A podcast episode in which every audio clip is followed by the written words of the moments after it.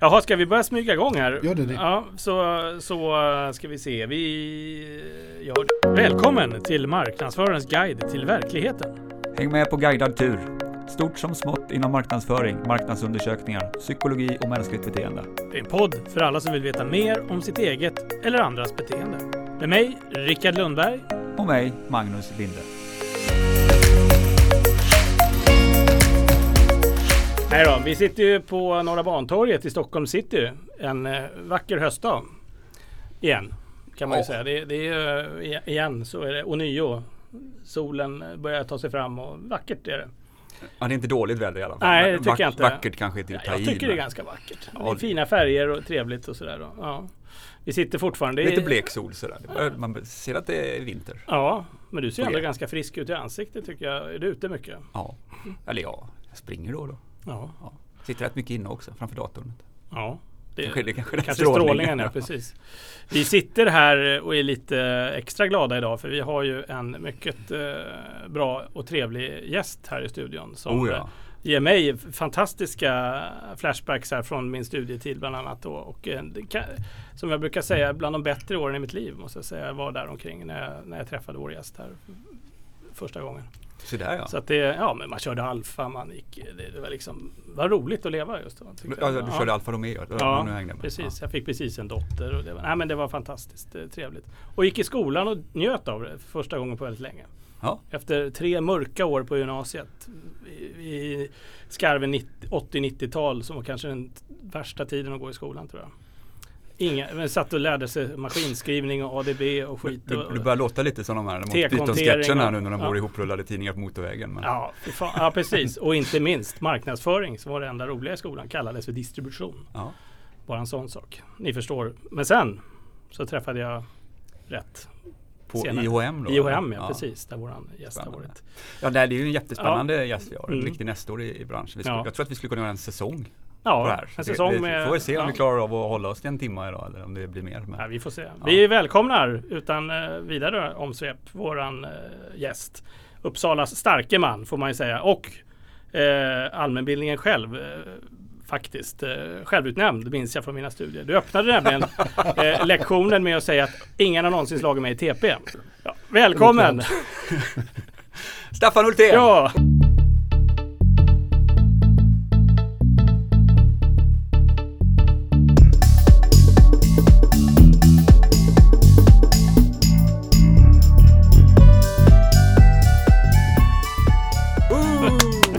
Bugar, jag bugar, jag bugar. Tack. Välkommen hit! Vad kul att du är här. Ja, det var Ja, väldigt trevligt att roligt. vara här, roligt. Ja. Spänd och förväntansfull. i poddstudion. Ja, på Clarion Sign Hotel glömde Ja. jag säga. Och vi tackar så ödmjukt för att vi får sitta här. Eh, vi, eh, precis, jag träffade dig första gången, måste vara 2001 eller någonting. 2002 möjligen, det är lite svårt att komma ihåg. Men jag tror det var 2001. Ja, tiden går och det är ett litet tag sedan. Mm. Jo, det stämmer. Jag, jag var på IOM några år. Ett antal terminer. Jag, jag kan inte minnas så långt tillbaka i tiden. Nej. Men det var, det var några olika kurser och det var statistik och analys. Ja, och- marknadsanalys. och så marknadsanalys. Det kan ha varit 2000 också. Jag kommer inte ihåg när den kom i kursen. Jag gick mellan 2000 och 2002. Ja. Så där någonstans är det definitivt så att vi... Ja, Det var en nyttig övning, inte minst för mig faktiskt. Mm. Eftersom jag är lärare från botten, eller från början. Mm. Eh, Vanlig hedlig gymnasielärare. Och då hade jag varit tjänstledig ett antal år. Eh, Och jag är fortfarande tjänstledig från Märstagymnasiet sedan 1988. De väntar varje måndag på morgonen på att jag ska komma tillbaka. Men det lär de få dröja på, tror jag. Eh, Men jag har inget emot skolmiljön. Eh, Och det var väl egentligen det lite grann som jag ville tillbaka till då på IOM. Mm. Det var en annan form, en annan skolform. Eh, Jag jobbade mest på kvällar men, men också några dagkurser. Men Mm. det, var, det var nyttigt och ibland så måste man ju förbereda sig innan lektionerna. Och den där förberedelsetiden, den är också lärotid faktiskt. För att kunna lära ut någonting så måste man ju ha en, en något sån här hyfsad överkunskap. I alla fall bör man ligga en kvart före eleverna, Mm. minst. En kvart före. En kvart före Mm. eleverna. Och då, eh, då, då var det där en, en bra möjlighet för mig att rekapitulera mycket statistik och annat som jag hade pluggat tidigare. Men kanske inte använt professionellt riktigt på det sättet. Mm. Men det har varit till nytta för mig. Väldigt, väldigt stor nytta för mig i arbetet. Det är nämligen lustigt nog inte så jättemånga i våran bransch, tittar på Magnus, Mm. som, som har en hyfsad kunskap om just statistik. Och har man det så är det ett ämne som man inte riktigt eh, uppskattar efter förmåga kan man säga. Det, är- det är lite halvogillat, känt som det tråkigaste ämnet i Ja, universum och så vidare. jag kommer ihåg att de sa att det här var ju riktigt roligt. Alltså, vi hade, för det var inte den kursen alla längtade efter. Nej, långt Med all ifrån. respekt eh, för alla, allt vad vi jobbar med. Men eh, man vill ju lära sig marknads... Och så kommer analys då, och, och statistik. Men då Ja, men det är väl för att man också måste faktiskt jobba i det ämnet Ja. och förstå någonting. Det går inte, att- och går inte att latcha sig igenom Inte det. bara glass och ballonger. Nej, marknadsföring kan man ju bara Mm. tycka en väldig massa om. Det är faktiskt mer en Jo, åsiktsgrej. nej, det det var är ungefär sant. som när man läste Jöken. Det var också bara det, kunde man bara argumentera för någonting så, i juridiken så, Ja. så, så fick man rätt på den. Ja. Men i statistik och matematik så finns det ju alltid rätt ja, då svar. kan man säga att då är statistiken motsatsen till det. Men, men jag brukar ju alltid säga, upprepat många gånger, att den som har makt över siffrorna har ofta makt över situationen. Mm. Och det har jag ju sett i många medarbetare under årens lopp, men också många kunder som man har hjälpt till olika positioner i företag. När de blir den personen som kan väldigt mycket om ämnesområdet så blir man också valbar för andra jobb. Mm. Så att eh, det, det är lite roligt när man har följt det under årens lopp. Jag satte bara på en liten eh, backup där om du undrar vad det var som började lysa rött. Det var ingen fara. Det kan vi klippa bort. Det kan vi göra. Sen Okej, live, men, ja. men, men hur, hur som, du började som lärare och Märsta Ja. gymnasiet väntar på dig fortfarande. Vad hände sen då? Varför Nja, slutade du e- där? Egentligen hade jag en liten sejour innan lärarknäget där jag jobbade med marknadsanalys. Men, men det var speciellt kan man säga för att det var en doktorand och en docent i Uppsala som startade ett litet företag. Ja, Och det handlar mest om skog och trä och stål och petroleum och sånt där, tung industri. Men där knegade jag ett litet tag, några år Mhm. och, och gjorde mycket jobb eh, åt Träteknikcentrum och industri, tung industri helt enkelt. Och lärde känna en del människor inom petroleumnäringen, framförallt eh, OK på den tiden, Uddeholm. Där Sören Gyll för övrigt var chef på deras utvecklingsbolag. Sören Gyll, jaha. Ja. En, en liten fet kille som hade kommit som säljare från Rank Xerox. men, men han var väldigt trevlig som chef. Han var ansvarig för deras utvecklingsbolag. Så då, då fick jag pilla med allt möjligt sånt och det roade mig märkte jag. Men det var väldigt osäker eh, syssla det där. Så att jag tänkte att jag går det här extra året på lärarhögen så, så blir jag lärare också. Och då gjorde jag det. Mm. Eh, och sen jobbar jag fortfarande kvar med de här uppdragen.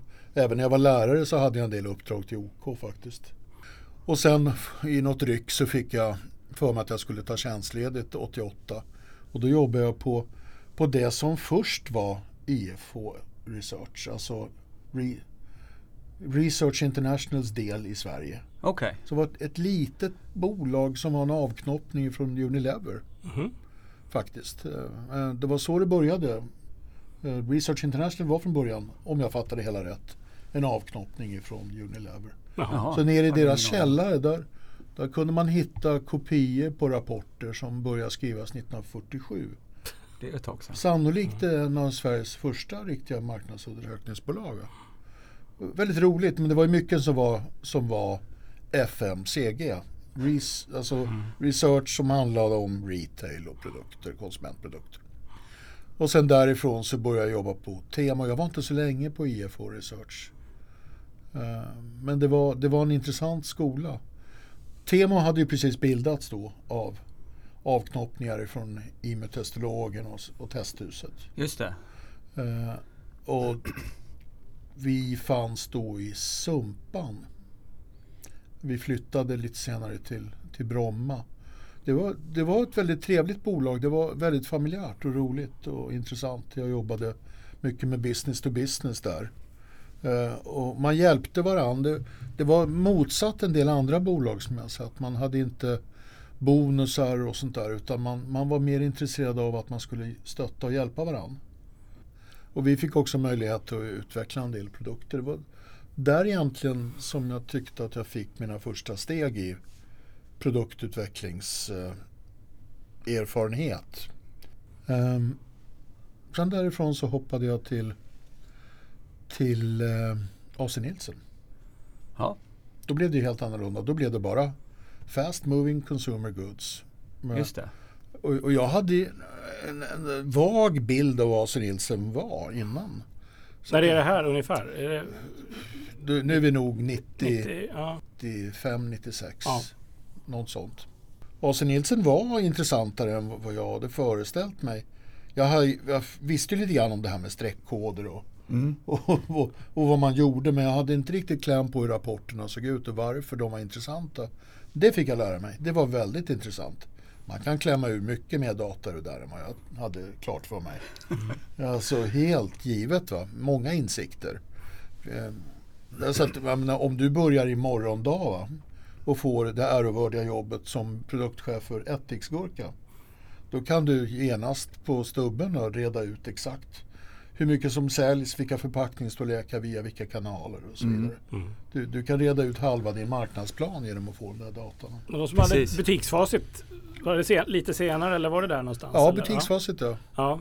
Ja. Som en tidig... det var ju ganska ovanligt då på den tiden. Idag så, så har man ju mycket mer Ja, ja. data på allting egentligen. Ja, ja, ja. Med, med kundkortsklubbar och digitalt. Absolut, och ja, ja. Men då Det- var det, så det är ju pionjärerna i... Ja, det kan man säga. Och sen också det att man försökte hålla koll på alla, alla kanaler, alltså även närköp och mackar och, Mm. och sånt som med tiden då säkert har blivit viktigare.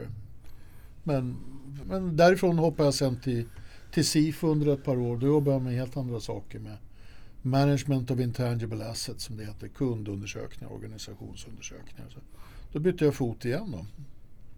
Ifrån det ena till det andra och så nu blev det helt nytt igen då. Mm. Och det var ju kul på sitt sätt. Helt annan stämning, helt annat stuk. Helt andra organisationsformer kan vi kalla det för. Just det. Men då var det, då var det Sifo som är enskilt bolag. Då, Då, då var det, då var det SIFO tror jag först. För sen blev de köpta utav Research International. Sen va? blev det snabbt Research Internet, eller om det till och med hade hunnit bli det när jag började där. Ah, okej. Ehm, och det var också intressant.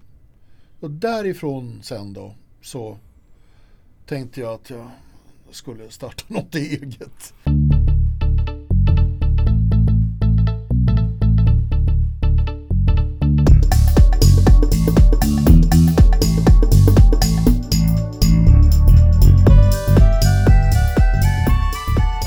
Då, hade jag ju haft ett antal år på olika institut och kände att jag började bli i alla fall li, lite allmänbildad i det här området. Jag hade varit på, eh, på IHM och sådär. Eh, så då, då fick jag för mig att vi skulle... Jag, under perioden emellan där, innan vi startade RAM, så Alltså vi sökte ju pengar, vi sökte ju seed money, startkapital för att, för att få upp vår idé på, på banan. Och under den tiden så jobbade jag lite grann åt Framfab som hade något annat eh, uppdrag de, som ville starta ett, ett institut. Men då, då hade jag redan pratat med min, min gamla partner om att vi skulle försöka hitta på någonting för media. Och orsaken var ju att vi, vi fick frågor ifrån tidningar som vi kände och ville... De var intresserade av egentligen att... ja, Det var ingen svår, tung fråga från början. De upptäckte att de även på lokal marknad mötte andra medier som gav tillbaka mer information. TV gjorde det, radio gjorde det, utomhus gjorde det, DR gjorde det. Man fick alltid tillbaka någon typ av rapport så att säga. Men, men tidningarna hade vant sig vid att det behövde inte de nej, okej. redan, redan sen, alltså tidningarna har ju bevisat några saker. Det börjar med att man bevisar sin upplaga. Och sen senare så skulle man bevisa sin räckvidd. Och det fick duga. Den här gamla klassiska ARF. Ja, precis. Mm. Det fick, det Som fick, nu för tiden är någon spiral. Va? Jag inte riktigt har jag fattat. hänger men- inte riktigt med där. Jag har sett den där spiralen. men- Jag tyckte trappan var bra, den förstod jag. Nej, Spiralen men är då, lite svårt för och då, det tyckte vi var intressant. Det var ju liksom något nytt och vi, vi satt med, det var VLT, Ingress Media och flera av de gubbarna, för det var massor gubbar som vi satt och pratade med, de hade tankar och idéer om det där. Och, och vi sa att ja, det där går förmodligen att göra. Man använder ny teknik. Så man kan ju fråga via webben och då var ju det liksom nytt på något sätt. Det här var då 99 som vi började prata om det här Ja, och gå runt lite grann med kepsen i hand och tigga lite pengar. vi, vi var ute efter ett, några miljoner för att visa att idén höll. Eh, Men, men till slut så sprang vi på det och slog Bashir Sema. Och där fick vi till sist lite seed money. Eh, Och det var bra. De, de, de hade resurser och de var intresserade av den här typen av produkter. Där kom vi in och de, de frågade oss egentligen hur lite pengar kan vi satsa men ändå utveckla idén så vi ser om den är, Ja. om den är möjlig. Va? Och, det, och det där är, det är ingen ovanlig fråga när, det, när man kommer med, med kepsen i hand sådär som vi med en spes. Utan eh, då fick vi utvärdera den genom att egentligen göra någonting som de ville se eh, funkade. Mm. Och då gjorde vi det. Sen drog det igång lite grann första året. Så vi, vi gjorde om en del frågor, bland annat med hjälp av din gamla kamrat Daniel. Ja, just det. eh, som hjälpte oss lite grann att försöka förstå hur man skulle fråga. Mm. Kanske vi ska berätta då, Daniel Lundqvist. Daniel, är- Daniel Lundqvisten, han var vårt bollplank då ibland Ja. när vi frågade saker. Så han, är, han har doktorerat inom beteendevetenskap och psyk- Exakt. ja, finns idag på Karolinska. Ja, KI han Driver ett stort, eh, beteendelabb där. Forskare, precis. Vi har fortfarande lite kontakt med honom. Men eh, på den vägen var det och då hittade vi till slut en rutin som vi tyckte var intressant och sen så övertalade vi några tidningar att börja mäta med den, bland annat Sydsvenskan. Eh, och i början så gick det lite halvskraltigt och vi fick också mycket kritik för hur vi kunde förklara att de här människorna som svarar via e-post var, såg likadana ut som de som läste tidningen och inte hade e-post. Eh, och, och det var inte jättesvårt att sätta i bevis. Man, man förvandlas ju plötsligt inte till en helt annan person bara för att man innehar en e-post. Det visade sig att det var människor de också. Trots att det var då på den tiden kanske en 30-35 procent som inte hade e-post. Mm. Och och till och med gamla människor som hade e-post var inte annorlunda än gamla människor som inte hade e-post. Läste tidningen på ungefär samma sätt. Så, så på den vägen var det. Så att vi letade efter smarta vägningsrutiner och, och det hittade vi till sist med hjälp av Statistikon Mhm. som är statist, statistiska konsulter som visste att Sixten Lundström på SCB hade doktorerat på en teknik som kallas för kalibrering. och, den, och kalibrering är en smartare individuell metod så att i vårt system så, så får varje individ ett vägningstal, inte varje grupp av individer. Vi visste inte då när vi började jobba med det att det var så smart som det har visat sig vara. Okej. Det var, det var en ren olyckshändelse i arbetet kan man säga. Men det har visat sig vara som gjort för att eh, de här kalibreringsestimaten som det kallas för, de är som gjorda för att hantera just eh, digitala paneler. Väldigt, Men när ni började då var det, då utvärderade ni printmedia Det- framförallt? Ja, var bara, det, vi började med, med eh, dagstidningar och annonser. Mm. That's it. Mm. Och sen därifrån så gick det inte så lång tid förrän vi började mäta även magasin. Eh, Och sen gick det inte särskilt lång tid innan vi började eh, mäta även redaktionella miljöer. Det är ju en annan frågekonstruktion men det, de liknar varandra. I, I journalistisk forskning då är kvantitativa tekniker väldigt ovanliga. Och vad det- mätte ni i det då kvantitativt? Ja, vi, vi mätte ju liksom, eh, har du lagt märke till den här annon, eller Okej. artikeln? Ja. Har du läst den? Vad tycker du? Skulle du vilja läsa igen? Alltså det, eh, och man kan också då koda in saker om rubriken är marknadsförd på ettan eller inte. Jag brukar ju fråga nyckelfrågor till journalister och chefredaktörer om de vet hur mycket mer än artikel som är marknadsförd på ettan, hur mycket mer den blir läst. Hittills är det ingen som vet det. Nej, du vet. Jag vet det. Ja.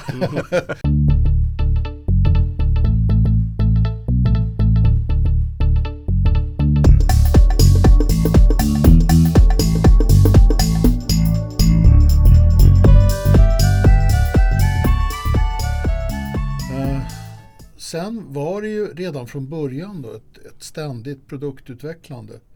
Vi, vi hade ju inte alls eh, förstått alla bitar i medievärlden från början. En puck som vi var tvungna att lösa det var ju samarbetet mellan tidningar. Som ju det finns mängder med olika försäljningssamarbeten. Paket. Men som är annonspaket, ja. Paket hit och dit. Och de vill ju, de vill ju göra en, en samlad mätning och få en rapport. Och den måste ju vara kor- korrekt vägt. Mm. Med tanke på tidningarnas storlek, tidningarnas tyngd i paketen. Så, så det kunde vi göra på lite olika sätt. Supervyer som vi satte samman. Eller, Ehm, det, det, idag så finns det flera sådana varianter beroende på hur samarbetet ser ut. Om, det, om du har 47 stycken små gratistidningar då, då kanske du inte kan bygga en enda panel för en enda tidning som är hållbar i sig. Men du kan bygga en panel som är hållbar i regioner eller för totalen. Så, så sådana rutiner byggde vi in. Och rätt så snabbt började vi också mäta digitala element. Ehm, Ja, För det måste ju ha varit en, en pågående Ja, re, under hela den här perioden egentligen. För det var ju då det började Det var då det någonstans. började. Det var och då så det har det varit en parallell resa. Ja, det var det ju. Jag menar, det, de, de metoder som vi har, vi, vi, vi behåller delar av det. Vi, vi behåller eh, frågekonstruktioner och sånt när vi gör en regelrätt intervju. Men i början av den här processen, då kunde man ju fråga folk om deras digitala beteende. Ja, Och man kunde räkna ut vad som var OTS. för att folk hade koll på det då. Ja, nej, folk höll hyfsat koll på var de hade varit. Men vi märkte att vi kan inte fråga, har du varit inne på aftonbladet.se? Vi, vi frågade snarare, när var du senast inne på aftonbladet.se? Och om det svaret där man svarar på en kalender överensstämde med publiceringstiden, då var man i ramurvalet. Mm. Men eh, med tiden så blev det där svårare och svårare. Folk hade svårare och svårare att uttrycka sitt beteende. Mm. Och eh, de olika publicisterna de gjorde inte heller så längre som de gjorde från början. Nämligen köpte jag of Voice på Just det. 10 så, så fick du ungefär var, var tionde visning. Var fjärde visning, var tredje visning. Istället så blev det så att man skruvade på ratten fullt i ett par timmar och sen skruvade man av ratten. Och så sipprade det några timmar och sen när man upptäckte att man måste leverera så, så skruvade man på ratten igen. Det betyder ju att eh, Share of Voice fluktuerade under hela, under hela den här publiceringsperioden. Det blev en annorlunda, ett annorlunda djur av det hela helt enkelt. Vi kunde inte mäta på samma sätt längre. Just det, och det programmat, programmatiska måste väl ha kommit in här också när man Ja. jagar målgrupp snarare Exakt. än share of voice. Exakt, alltså, om du exakt. kommer in så får du en annons, om jag kommer in så får jag en annan. Exakt, precis. Och retargeting var ju också stort, större då under en period. Ja, det måste ju ha varit en jätteutmaning om man ska mäta det. För att, Ja, det är det ju. Vi, och vi förstod ju då att det här kommer inte vara dugligt utan vi måste, vi måste på något sätt märka upp de individer Mm. eh, av våra panelister som är i närheten av objektet som vi ville mäta. Och det där förstod vi att man kunde göra. du, du märker upp de som faktiskt har haft möjlighet att se. Alltså det, Exakt. Ja. Och vi, vi ser också frekvensen. Ja. Och vi ser att man, är, att man har visibilitet, alltså att man, det är möjligt att, att se. Och vi kan ju ha samma definition på visibilitet som alla andra. Det, det kan ju faktiskt fluktuera mellan olika länder. Vårt sätt att se visibilitet behöver inte vara. Men IAB har ett sätt. Minst halva annonsen, minst en sekund. Just det. Ett ganska lågt ställt krav. Ett lågt ställt krav kan man säga. Men, men, men då, då var vi ute med hatten igen då och försökte hitta någon samarbetspartner som vi kunde samarbeta med som hade redan gjort det här.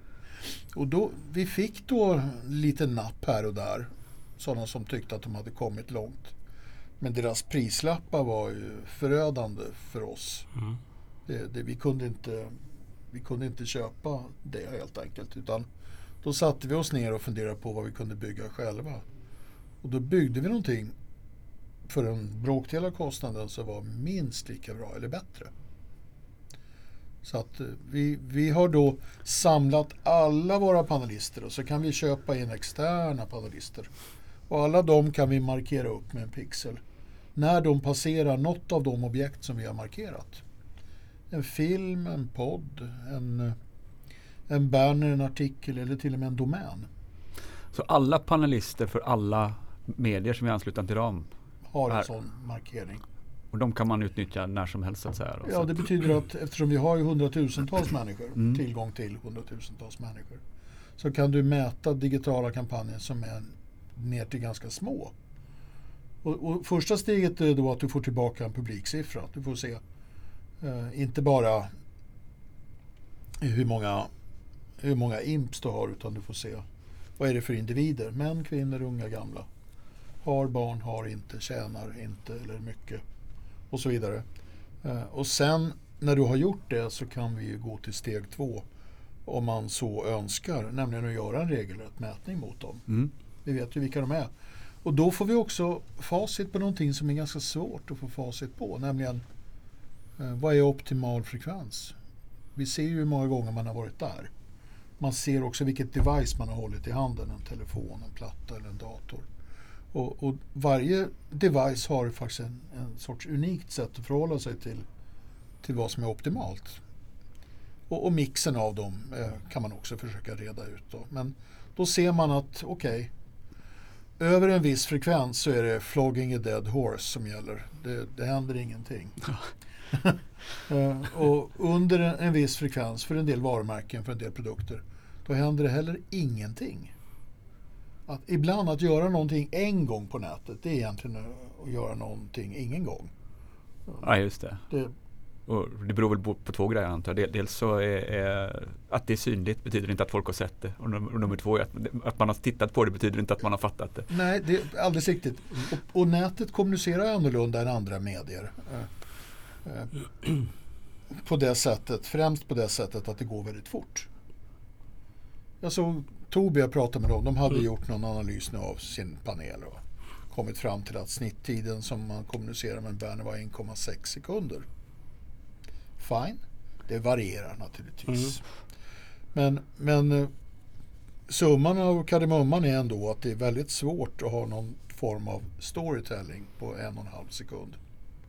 Det går undan. Mm. Så att det, det, finns en del varumärken som som är svåra att sälja på det sättet när kommunikationen går väldigt fort. Och det är ju främst okända varumärken som kräver någon typ av storytelling för att man ska fatta vad det egentligen är. Den tiden får du ju delvis i alla fall i andra medier men inte digitalt. Nej, jag vet inte om det stämmer nu men vi, vi gjorde ju också ihop med, med Daniel Lundqvist då mm. för, men det är ju... I begynnelsen? Nej men det var länge sedan. 10-15 år sedan. Då tittade vi på det och då kunde man säga att det var i genomsnitt så fick eh, det mesta andra tre sekunder. Sen det, i, dagspress så fick en annons tre sekunder. Framsidan på DR fick tre sekunder. Mm, en tv-reklam fick tre sekunder innan man bestämde sig för att sappa. Mm. Men eh, nätet fick en till två sekunder. Ja, det, ja, det stämmer rätt väl. Då. Jag tror, Om det stämmer idag vet jag inte. Ja, ja, ja, så, är svårt att tro att hjärnan skulle förändra sig så himla mycket. Men, för det är den som tar emot, tar emot de här signalerna mm. trots allt. Och lite längre tid även om vi då pratar sekunder så är det rätt lång tid i reklamsammanhang. Jag brukar, ju, jag brukar säga, det är lite ljug, men inte så mycket, att en medelbegåvad läsare, tittare, kan klara av att läsa sju ord på en sekund. Mm. Det, det, finns lite olika siffror på det där. Eh, en del hävdar att är man en långsam läsare så är det ungefär fem ord per sekund. Är man riktigt snabb som naturligtvis vi tre alltid kommer att vara. Mm. Så läser man tio ord på en sekund, vad vet jag.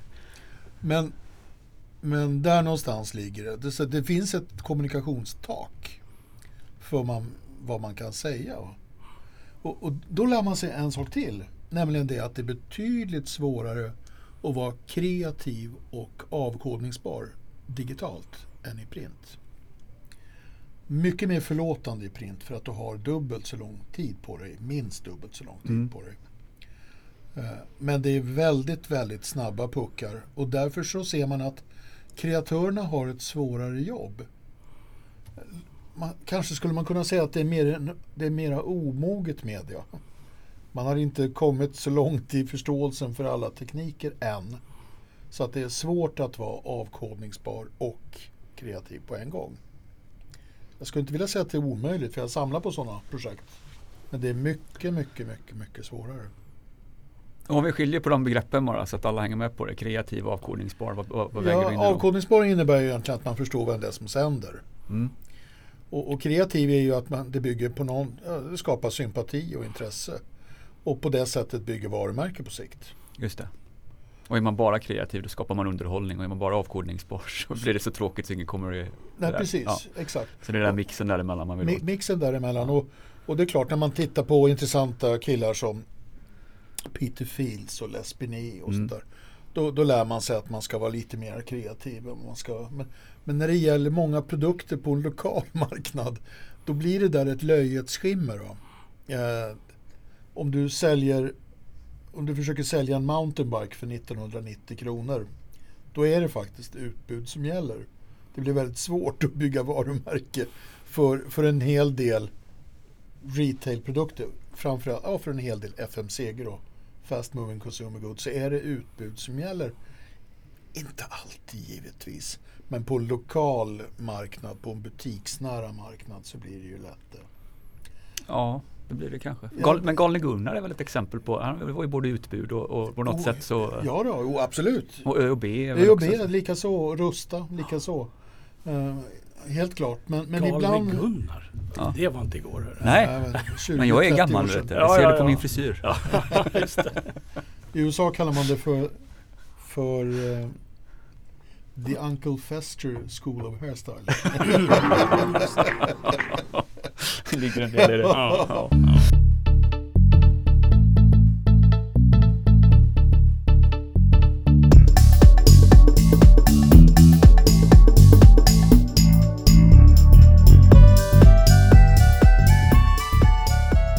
Jo då, men alltså då ser man ju då att okej, man har ju inte alla delar. När vi mäter så har vi ju delar av, ibland har vi alla delar, men långt ifrån alltid. Men vi kan ju se resultat som är resultat som kommer av att man är aktiv även i andra medier som inte vi har en susning om. Mm. Men det, det, Men hur stor del är det ni ser då? För det är rätt mycket av den här digitala ligger väl på, på Facebook och andra sådana här Ja. sociala medier. Mäter ni dem idag också? nej? Facebook eh, har vi varit inne på men vi är inte där just nu. Youtube lika så. Annars är vi välkomna men vi måste se till att vi får eh, att vi blir licensierade så att säga. Ratificerade i alla miljöer. Ja. Jag tänkte höra lite, jag är nyfiken, vi pratade om det lite grann, men ni, hade ju, ni har ju, finns ju på flera marknader. Ni, Ja. ni har ju eh, hur många länder? Ja, vi har gjort affärer i 19 länder 19 men vi, vi länder, ja. gör inte det. Men vi har ju lärt oss någonting om 19 länder. Om Mm. Island och Estland och Colombia och Chile och Mexiko, Costa Rica. Men vi har nu verksamhet i Kanada USA, England, Skottland, Irland. Eh, lite grann i Tyskland, Schweiz, Österrike, Finland och Norge. Norge. Inte Danmark. Inte Danmark. Jag vet inte riktigt varför. Vi har varit i Danmark och fightats lite grann men aldrig lyckats något vidare bra. Var det, de- var det en medveten eh, eller blev det bara så att ni kom vidare utanför gränsen? Eller var det, var det tanken från början? Eller var det, Nej, alltså vi märkte ju att, att de här problemen som vi tycker att vi löser, i alla fall delvis löser, de är globala. Det är samma problem överallt. mm. Att eh, det är lätt att förstå det kommersiella värdet, nämligen att den annonsör som har exponerat en risk, nämligen betalat pengar, är alltid intresserad av att se ett sorts mått på hur det här egentligen har gått. Mm. Och det kan egentligen bara komma gott ur det. Fast vi har ju haft kunder som har varit nervösa för att gå ut med dåliga resultat. Men i själva verket så är det bara en möjlighet för eh, en förändring som är positiv. Eh, Går man ut med ett bra resultat då får man ju bara en klapp på axeln och säger vad trevligt. Fullt. Just Ja. det. Men det kan jag tänka mig, det har ju varit, eh, i alla fall var det, när, när jag jobbade på Svenskan så var ju rammätningarna väldigt mycket ett verktyg för säljarna att Oh ja. sparka upp dörren till nästa möte. Oh ja. Och då var de ju inte bekväma naturligtvis att komma tillbaka och säga att det här har inte funkat. de vill ju komma in och komma med bullar och ett bra resultat för då ska vi skriva Ja, ett nytt ja, orderblocket. Nej precis. Så att det är klart att det är en utmaning. Men, det, det är en Mm. utmaning och det är klart men om man kan, om man kan berätta att det, ditt varumärke är inte riktigt så starkt som du hade en föreställning om att det var. Just det. Vi måste jobba med att bygga upp den, den kunskapen och då, då kan man ju vinna någonting på det. Ja. Men det ställer ett större krav på säljaren, helt klart. Ja, det var oftast de mötena som jag som analytiker Ja, fick följa med jag, på. Det kan jag gott tänka mig. Det kan jag gott tänka mig. Och många säljare vill ju hålla handen med någon som, som, som kan då förklara bättre eller Ja. som man inte uppfattar eh, är part i målet riktigt på samma sätt. Just det. Mm. Är det fortfarande så man använder eh, era mätningar? Det låter ju lite grann som att de gått ifrån det här eh, alltså, kampanjrapporten till ett större sammanhang med, med mätningar som, som täcker någonting som är större och mer Det, det har blivit, blivit så och vi, vi gör också mera automatiska kartläggningar av branscher. mm. Där vi betar av, man får en sorts karta över så här ser mäklarbranschen ut i Sundsvall. Och den, den har man ju som säljare med sig och kan förklara för kunderna så här ser det ut. Det, det är en, en dörröppnare. Den andra dörröppnaren är att man, man kan sätta ett litet minischema för kunden. Så här tycker vi att vi ska följa dig ut efter tidsaxeln. Och det gör man ju bland annat därför att man vill vara garanterad ett, ett konkret möte och man vet vad det mötet kommer att i alla fall delvis handla om. Mm. Att man kommer in i materialet och kan prata om det. Så det är ju det är ju mycket mer säljorienterat. I systemet ligger det ju liksom ROI-kalkyler. Du kan mäta, är det här lönsamt eller inte? Du kan förklara vilket arbete utför den här annonsen på ett bra sätt. Så vi har ju anpassat oss till en värld som består betydligt mindre av analytiker som är våra ambassadörer. Mm. Så är det. Ja. Vi har sett motsatser ibland i andra länder. I USA, USA Today till exempel, drabbades av, av säljproblem. Då ökar man avdelningen med analytiker. Man förstod att man skulle bädda in dem med mycket mer fakta än vad man hade gjort tidigare. Bevisa att det här var, eh, det var görbart och det var möjligt och det var bra och så vidare. Det var precis tvärtom. Ja, I andra länder, bland till exempel USA, där har analytikern på förlagen har en, en betydligt bättre maktposition. Och i en del länder så, så är man bara en, en handläggare, en hjälpande hand. Ja. Vad beror det på? Då? Är det, är det attityden hos analytikerna? De- är ju ofta, eller vi är väl ofta lite sådana här introverta människor som håller oss på, på, på kant och sådär. Och det är klart att då säljer man ju inte. Nej, kanske, Amerikaner är väl annorlunda i ja, alla kanske, kategorier. Men alltså, du, du, du, du hittar få ledningsgrupper i USA där inte analytikern sitter med i ledningsgruppen. Och det är väl intressant. Ja. ja, det må jag säga. Eh, skillnaden mellan Frankrike och England är ungefär dubbelt så hög lön i Frankrike gentemot England Mhm. för en analytiker. Jaha. Jag tycker också det är fascinerande. Ja, det är det.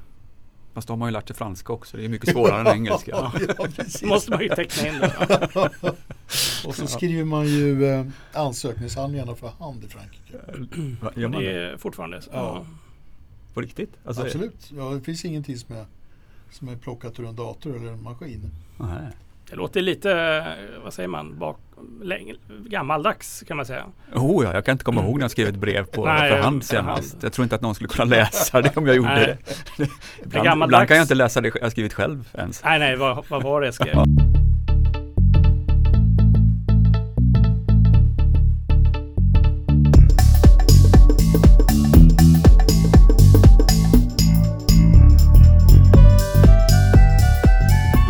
du som framtidsutmaningar här om vi ska Ja, hoppa framåt här? Ja. jo alltså.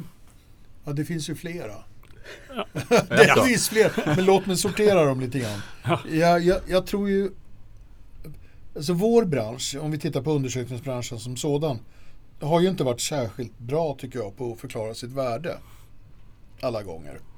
Och, och när man då plockar bort de personer som har varit, vår, varit våra naturliga motparter, våra, både våra, våra kompisar ibland och våra ambassadörer, men också de som vi har diskuterat lösningar med, så, så kan det bli, så får man problem. Vi måste anpassa oss till en värld, om man då ser på min egen då, där vi jobbar direkt emot marknadsavdelningar och säljavdelningar. Och då måste vår produkt anpassas. Förr i världen så var vår produkt mycket mer av en do-it-yourself-produkt.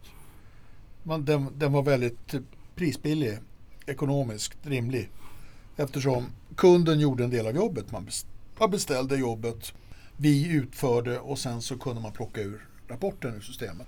Idag så gör vi minst 80 procent av det arbetet åt våra kunder. De berättar för oss vad de vill att vi ska beställa. Vi beställer, vi utför och sen gör vi rapporten. Eh, och då, då får man ju färre och färre människor inne hos kunden som faktiskt då kan vår produkt på djupet. Förstår vad man kan filtrera, förstår de här ROI-kalkylerna, förstår eh, det är en svårighetsgrad, vi får anpassa oss till det. Den andra svårighetsgraden är ju att samtidigt som det händer då så får vi motparter som har ofta då svårare att, att se vad som är kvalitet och inte. Undersökningskvalitet pratar vi om. Undersökningskvalitet. Paketeringen blir viktig. Mm. Eh, user experience kan vi kalla det för. Eh, kan ju vara tjusig, snygga paketeringar. Mm. Men inte så mycket bakom. Eh, Det, det, kosmetiska är viktigt, men hur viktigt ska man låta det kosmetiska vara? det, Ja, det, det, det är en beror på vad man intressant- vill sälja eller inte. Ja, det beror på vad man vill sälja eller inte. Och då, då, då dyker det upp och det kommer ju, då försöker ju då våran bransch svara upp mot det där. Ehm, det finns ju, vad är det, Millward Brown har väl något som heter, heter det Cappi? Eh, Ipsos har skapat Ipsos Digital Mm. där du går in och säger att jag vill eh, produkttesta en ny blåbärsyoghurt. Jag vill ha tusen människor här i England. Ja just det, den ja, nu är jag med på vilken du det, menar. det ja, går den automatiskt allting. va? Mm. Och, och det, är ju, det är ju egentligen delvis de tankarna som vi själva hade från början. Ja, just det. Att man skulle göra saker och nu har det där kommit ikapp oss. Mm. Och, och då, då är inte vi riktigt unika längre. Då väljer vår bransch att vi ska göra mer av jobbet. så att eh, det, det blir det, det, det så att säga skär åt båda håll det där. Men hur man än vänder och vrider på det så blir man mindre benägen att lyfta på, på locket. Att syna vad, vad för, för att det är att gå in på Ipsos den här. Digital, och skri- ja. ja. digital och skriva in, jag vill ha tusen personer som svarar på den här. Och så får jag tillbaka svaren. Då måste jag ju någonstans lita på att det också är eh, kvalitet i det. Absolut. Och det är likadant om jag ber dig göra Och detta. urvalen, urvalen är ju en mashup. De, Ja. de har ju tillgång till eh, 8, 10, 14 urval. Och så väljer man att plocka från varje så att det inte ska bli ett systematiskt fel. Just det. Eh, sen, Men är, kommer det här vara en utmaning framöver tror du? För det har man hört från andra, det här med panel, panelerna, att det är färre människor som är benägna och det, det, svarsfrekvenserna går ner. jo Och, då, alltså det, det, det tror jag. Vi har problem, men vi har långt ifrån lika allvarliga problem som många andra. För när vi bygger paneler, fast gudarna ska veta att vi har fler kunder idag som inte väljer att ha panelerna hos oss utan hos någon annan. Mhm. Eh, Och det kan jag fatta, men vi förlorar lite kontrollen av, och, av kvaliteten. Så vi kan inte riktigt hålla den kontroll som vi är vana att hålla sedan gammalt. Va? Och, och man vill ha det så därför att man vill göra, ge sig själv möjligheten att använda panelen som man behagar och man vill också ge sig själv möjligheten att kanske tjäna lite pengar på den. Och framförallt det. det kanske att det finns en ekonomisk, Vinning, ja. ja, Den brukar alltid inte vara så stor som man trodde att den var. man hoppas kanske. Men, ja, men, ja. men den finns där. Ja. Det finns där som ett tråkbete om inte annat. Eh, Så, så det är ett, ett bekymmer. Det andra bekymret är väl att det kommer upp företag ibland som jag aldrig någonsin sett eller känner igen. Som gör saker. Eh, De behöver inte alls vara dåliga men det, det växer upp. eh, Vi har fått konkurrens från Litauen Ja.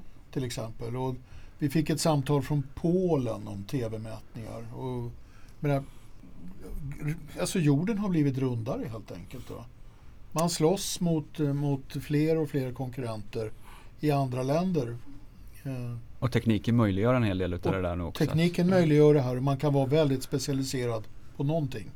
Och att försöka hävda då att man har någonting av lite bättre kvalitet eller lite mer vetenskap bakom sig. Det, det är inte säkert att det. Du, du måste verkligen bygga upp det resonemanget för att få... Det, jag, jag menar inte att vi är absolut världsbäst på kvalitet men vi har lagt ner väldigt mycket tid, pengar och resurser på att göra saker korrekt återvägt eh, på ett sätt som, som nä, nästan ingen av våra kunder egentligen förstår att vi gör. Nej, precis. Och, och, det, och det är ju ett problem i sammanhanget. Då har de inte lyckats förmedla det på något vettigt sätt. Och att det är viktigt Mm. att hålla koll på det också. Det behöver inte nödvändigtvis vara ett problem eh, att någonting håller en lägre kvalitet. Om man vet Nej, var man den koll, nivån ja. ligger och kan kompensera för det när man också gör analysen. Men om man tror att det är sju decimalers noggrannhet och det egentligen är ett närmevärde på Ja. plus minus 10. Då har man ju ett Jag problem. gick när en säljkurs för länge, länge, länge sedan. Och där pratar man om något intressant som man kallar för behovsosäkerhet. Och behovsosäkerhet är att när kunden tror att det är något jäkligt simpelt man köper Ja. Då får man berätta att det är mycket svårare än vad du tror. Alternativt om du är på andra sidan, om kunden tror att det här är svårt, då ska du berätta att det här är inget svårt, det här är jätteenkelt. Men behovsosäkerheten har ju sänkts. Man, man uppfattar att det, En undersökning är en undersökning, en, är nog en undersökning Mm. trots allt. Men vad framtiden kommer att ha sitt sköte, det vet det 17. Jag tror ju att det kommer att bli ännu mera fokus på digitala mätningar. Mm. Jag tror att det kommer att bli ännu mera fokus på appmätningar. Och det kommer säkert att bli eh, fokus på digital tv och Mm. Ehm, um, online-video överhuvudtaget.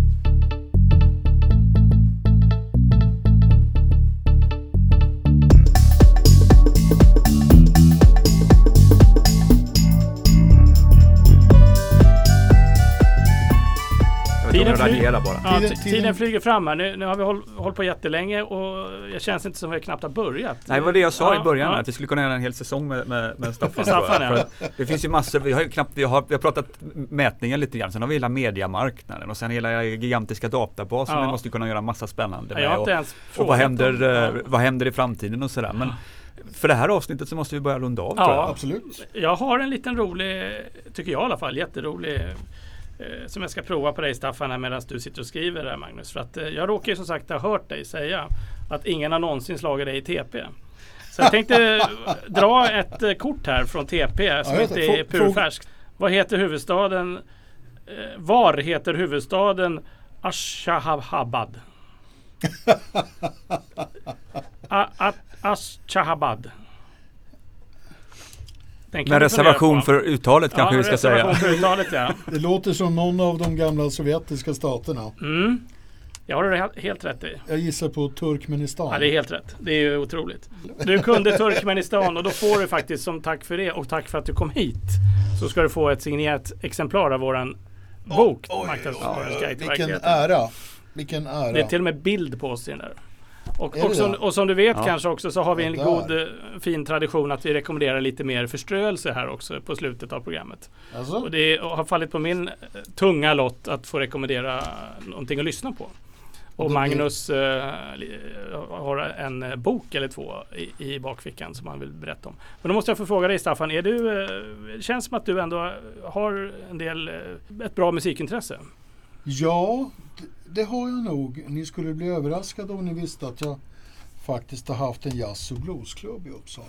Nej, Nej. inte ett dugg överraskande upp- faktiskt. Det helst- ja. fullständigt Ja, som Som naturligt. hette Motvals. Det är också bra. Ja. Så det, det har varit ett intresse, absolut. Mm. Sen en, en liten period så hade jag ju faktiskt en, en liten kajonrestaurang som hette Spicy. Jaha. Mhm. Och där var det också väldigt mycket musik.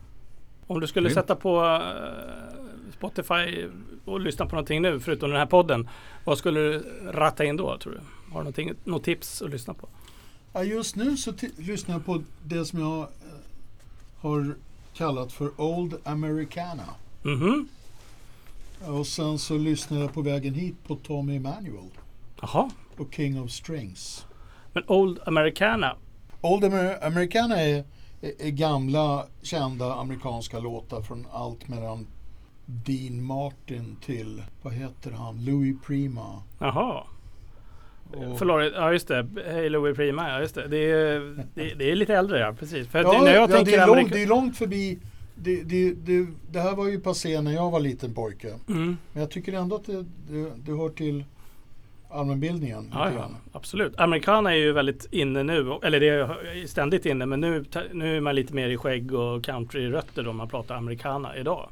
Vi hade i förra avsnittet så rekommenderade just en americana-skiva som man kallar genren för idag. Då. Vi Holy Smoke Future Jokes. Ja, men, Vi Ja, det är faktiskt den första som jag tyckt varit riktigt bra. Tycker du? Ja, det, Ja.